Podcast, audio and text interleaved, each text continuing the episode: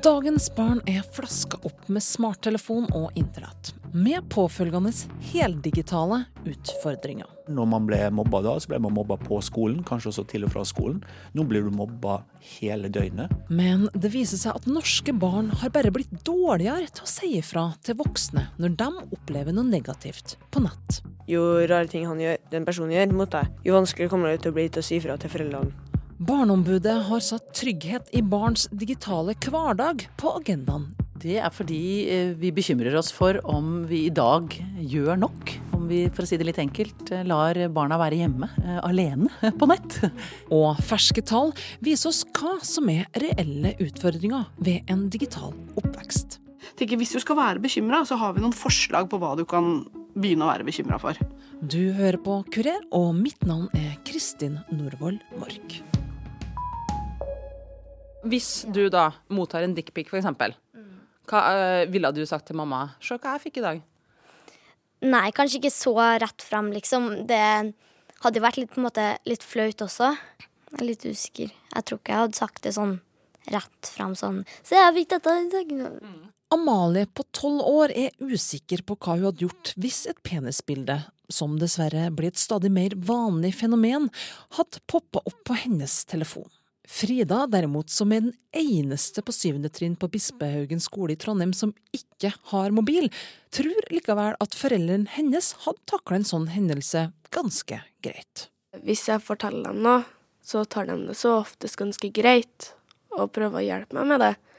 Så jeg tror det kanskje blir sånn litt enklere for meg enn for de fleste. Jeg vet ikke helt hvordan andre foreldre er, men til å si det til dem, men samtidig blir det jo veldig flaut, eller noe. ja. Tolvårige Daniel syns ikke det faller like naturlig å fortelle foreldrene sine om negative opplevelser på nett. Det avhenger jo egentlig helt av hva den personen gjør. Jo rare ting han gjør, den personen gjør mot deg, jo vanskeligere kommer det til å bli til å si fra til foreldrene. Men ja, det er egentlig ganske vanskelig å si fra til foreldre om forskjellige ting. Hvorfor tror du det? Er det oss voksne sin skyld? Noen ganger så kan det være litt voksne sin skyld, men andre ganger så kan det også være litt at det er litt rart å snakke med foreldrene om alt mulig. Fordi man er mer vant til å snakke med de tingene til vennene sine. Fordi de har kanskje opplevd det samme. Mens voksne, de kommer bare til å gå rett til sak og bare si sånn Nei, stopp! I 2010 ble til da verdens største spørreundersøkelse gjennomført, nemlig EU Kids Online, der 25 land deltok og 25 000 barn og foreldre ble intervjua om barns nettbruk. Nå er de godt i gang med runde to av undersøkelsen, og om et par ukers tid er den første rapporten basert på norske tall klar. Men forsker og professor ved Institutt for medier og kommunikasjon ved Universitetet i Oslo, Elisabeth Staksrud, kan allerede nå dele noen av funnene med Kurer. Når det gjelder de norske tallene, som vi er på en måte mest sånn overrasket over, det er jo at i 2010 så fant vi at det var veldig mange barn som slet med ting på nettet, men som hadde en litt sånn dårlig håndteringskompetanse. Det vil si at de ikke var så flinke til å be om hjelp eller å snakke med noen om Eh, problemet. Og hvis de gjorde det, så var det ikke så ofte foreldrene, og i hvert fall ikke lærere og andre som hadde som jobb å hjelpe barn. Så vi har brukt mange år på å eh, tenke på dette, på å snakke om dette. Det er mange som, har, som på en måte er kjent med disse problemstillingene. Men når vi undersøkte nå igjen i 2018, så ser vi at det vi kan kalle det dialogpotensialet mellom barn og foreldre og lærere og andre voksne som er der for å hjelpe dem, og nettbruk, det er blitt dårligere. Eh, vet dere noe hvorfor, hvorfor de sier fra mindre nå enn før? Vi vet ikke helt sikkert hvorfor, og dette skal vi gå inn og analysere mer, og det vil ta litt tid. Men vi har noen hypoteser. Voksne er generelt bekymra for nettbruk. Eh, vi pleier ofte å være litt sånn skeptiske til de tingene vi ikke selv har vokst opp med, og vi vil gjerne at barna skal gjøre ofte andre ting. Særlig gjelder den bekymringen kanskje i, i sånn formelle utdanningssituasjoner, sånn som med skolen og med lærere. Og en hypotese vi har, er at fokuset på eh, f.eks. mobilforbud i skolen, samtidig som vi vet at 85 bruker, av 9-17-åringene bruker mobilen til å komme seg på internett hver eneste dag, så skaper det en sånn avstand mellom hvem man føler man kan be om hjelp. Vi har en hypotese om at hvis skolen sier at mobiltelefon det er på en måte ikke en skoleting. Dette er ikke noe vi har noe med, og det får dere heller ikke lov til å bruke på skolen. Så blir også terskelen høyere for å be om hjelp når noe skjer. Men det er én, og det kan også være andre årsaker, og det må vi se nærmere på. For hvis de skal involvere seg hele tida, og plutselig bare kommer på rommet og hva ser du på, hva ser du på, hva ser du på, så blir det litt irriterende. For hvis jeg spiller da et spill som jeg ikke har visst dem før, så blir de litt sånn Daniel, hva slags spill er det der? Da blir det litt irriterende hver eneste gang de skal komme inn og spørre hva slags spill jeg spiller.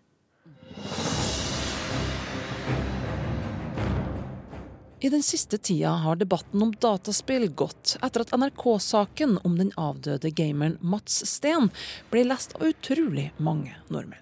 Saken tok for seg hvordan Mats' foreldre bekymra seg over at han var ensom, men det viste seg at Mats hadde flust av venner gjennom nettopp dataspillverdenen. Dataspill har nok hatt et ufortjent dårlig rykte.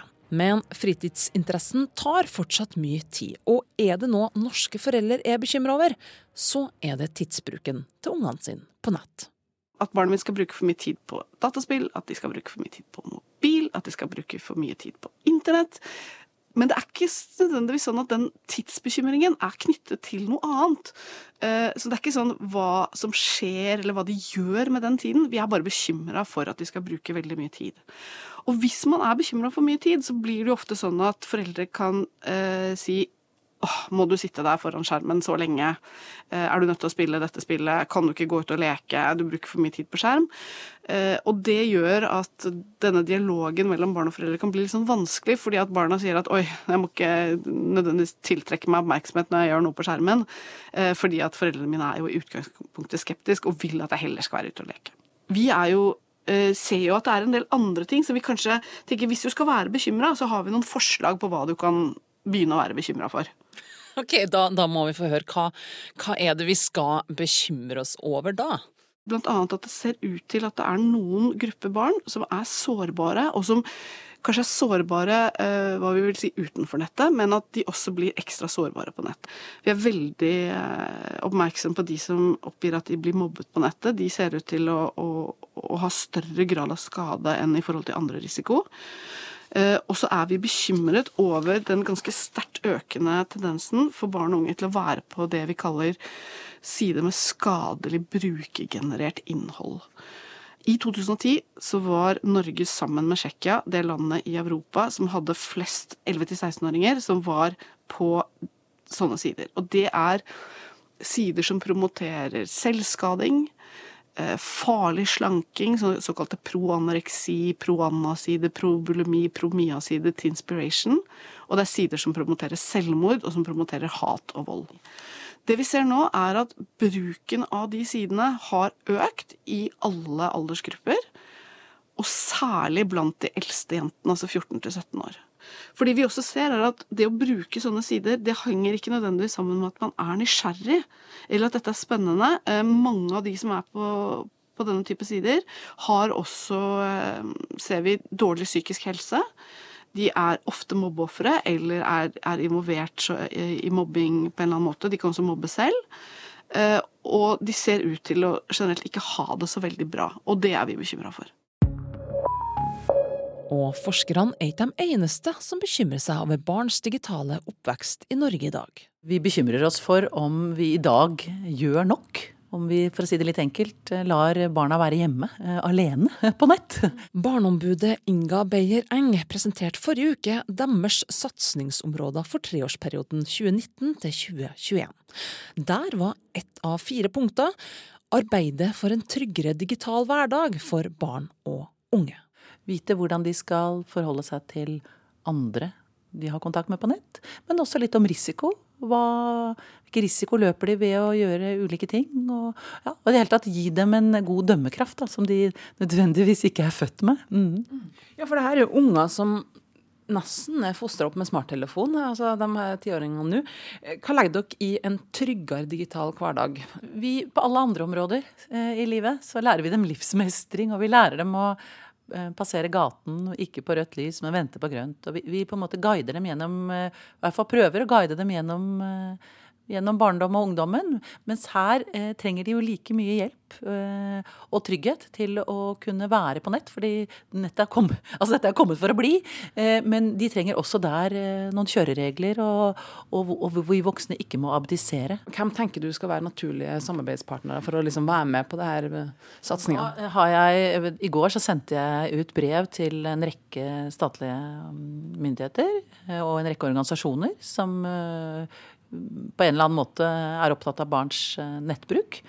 eh, For å se til hvordan vi sammen kan komme med gode forslag til løsninger, slik at arbeidet blir mer helhetlig og på tvers av sektorer, og at det blir eh, langsiktig. Altså det som bekymrer meg i dag, er at det er veldig mange som jobber med det innenfor sin sektor, eh, og mange som gjør eh, overlappende ting, lager kampanjer som skal ut i skolen og sånn. Men det inntrykket mitt er at det mangler en, en helhet eh, som går på tvers av alle sektorer, sånn at det er mitt håp, da.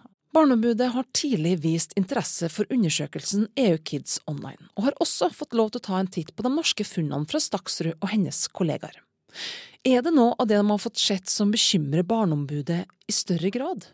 Ja, Det er både digital mobbing, eh, som, som i og for seg eh, har økt. Um, men det er også dette med et, eh, at barn sender nakenbilder seg imellom. Eh, Det er jo også noe som er relativt nytt, eh, og som eh, på en måte setter oss ut for store utfordringer. Det er, det er jo straffbart. Og da tenker jeg det er utrolig viktig at vi forebygger, slik at vi ikke kriminaliserer en hel gruppe ungdom.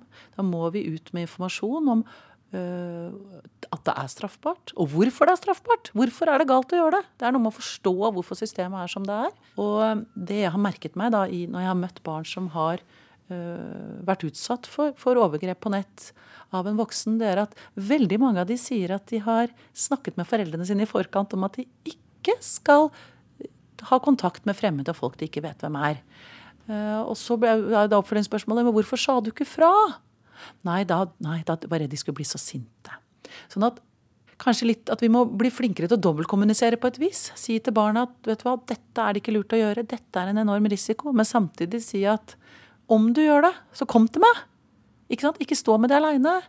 og det er litt sånn som vi sier til barna våre, ikke drikk alkohol, ikke gjør sånn, ikke gjør sånn. Men, men øh, mange av oss vet jo at de kommer til å gjøre det likevel. Men da er det jo innmari viktig at de ringer og skal bli henta, da. Hvis, de, hvis det skjer. Så det er liksom noe av det samme på dette området. At vi, øh, vi må være sikre på at barn tør å ta kontakt med oss når noe negativt skjer. Selv om vi har prøvd å skremme dem vekk fra det. Og at den gode og åpne samtalen mellom barn og voksne har trange kår, det er noe som også Barneombudet merker. På den spørretjenesten vi har, så er jo det ofte et gjentagende spørsmål. At de syns det er vanskelig å snakke med foreldre om vanskelige ting. Og det, det, og det er jo på en måte det er midt i kjernen da, av dette med hvordan, hvis de opplever negative ting på nett. Og det, det som undrer meg litt, er at vi har jo andre undersøkelser som viser at eh, barn har et bedre forhold til sine foreldre i dag enn man kanskje hadde for en del år siden. Mens på dette feltet så, så har, har på en måte tallene gått gal vei, da. Og enten er det fordi at vi voksne ikke Eller de, barna tror at vi voksne ikke har kunnskap nok, og at vi er for kategoriske. Og ja, det er noe i dialogen der så jeg tror vi må forstå litt mer av om, om hvorfor barn da kvier seg akkurat på dette feltet, men kanskje ikke så mye på andre felt. For det første må vi jo vite litt hva de driver med på nett. Eh, redd for at man fort eh, ikke forstår det, og da har man ikke noe forhold til det heller. Men sette seg ned og prate med og høre liksom, hva er det du driver med. Prøve å forstå det. eh, For at du skal kunne få en god dialog. Det tror jeg er helt avgjørende. Så, og klart at Her ligger jo barna ofte langt foran oss på kunnskapsnivå. Og når vi snakker om Facebook, så bare himler de med øynene. sånn at jeg tror at liksom, det, er, det er en generasjonskløft her som, som egentlig legger et ansvar på de voksne på å forstå litt mer om den kulturen som nå har vokst fram blant barn og unge. Å ta til orde for det når andre allerede har gitt, latt sine barn få sosiale medier, det er eh, vanskelig, ubehagelig, fordi det er det samme som å si at jeg tror du oppdrar barna dine på en måte som skader dem.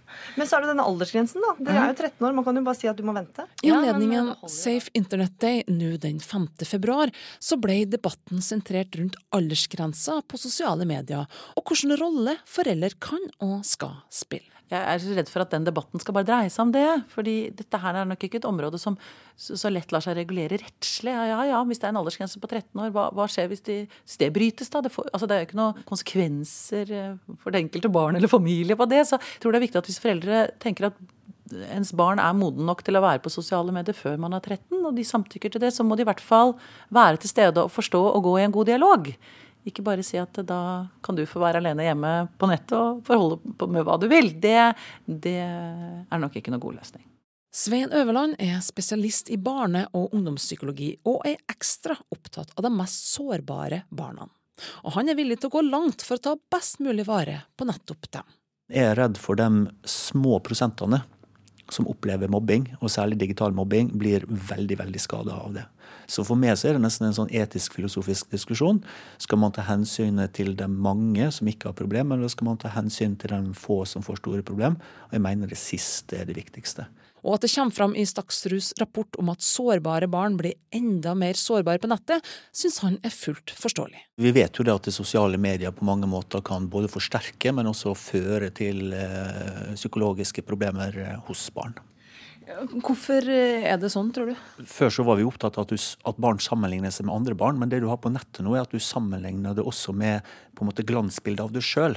Slik at når du da skriver fine ting om nei, i dag var det sånn og sånn som skjedde, eller så viser på til hvor flink du er, så vet du også at det ikke er riktig.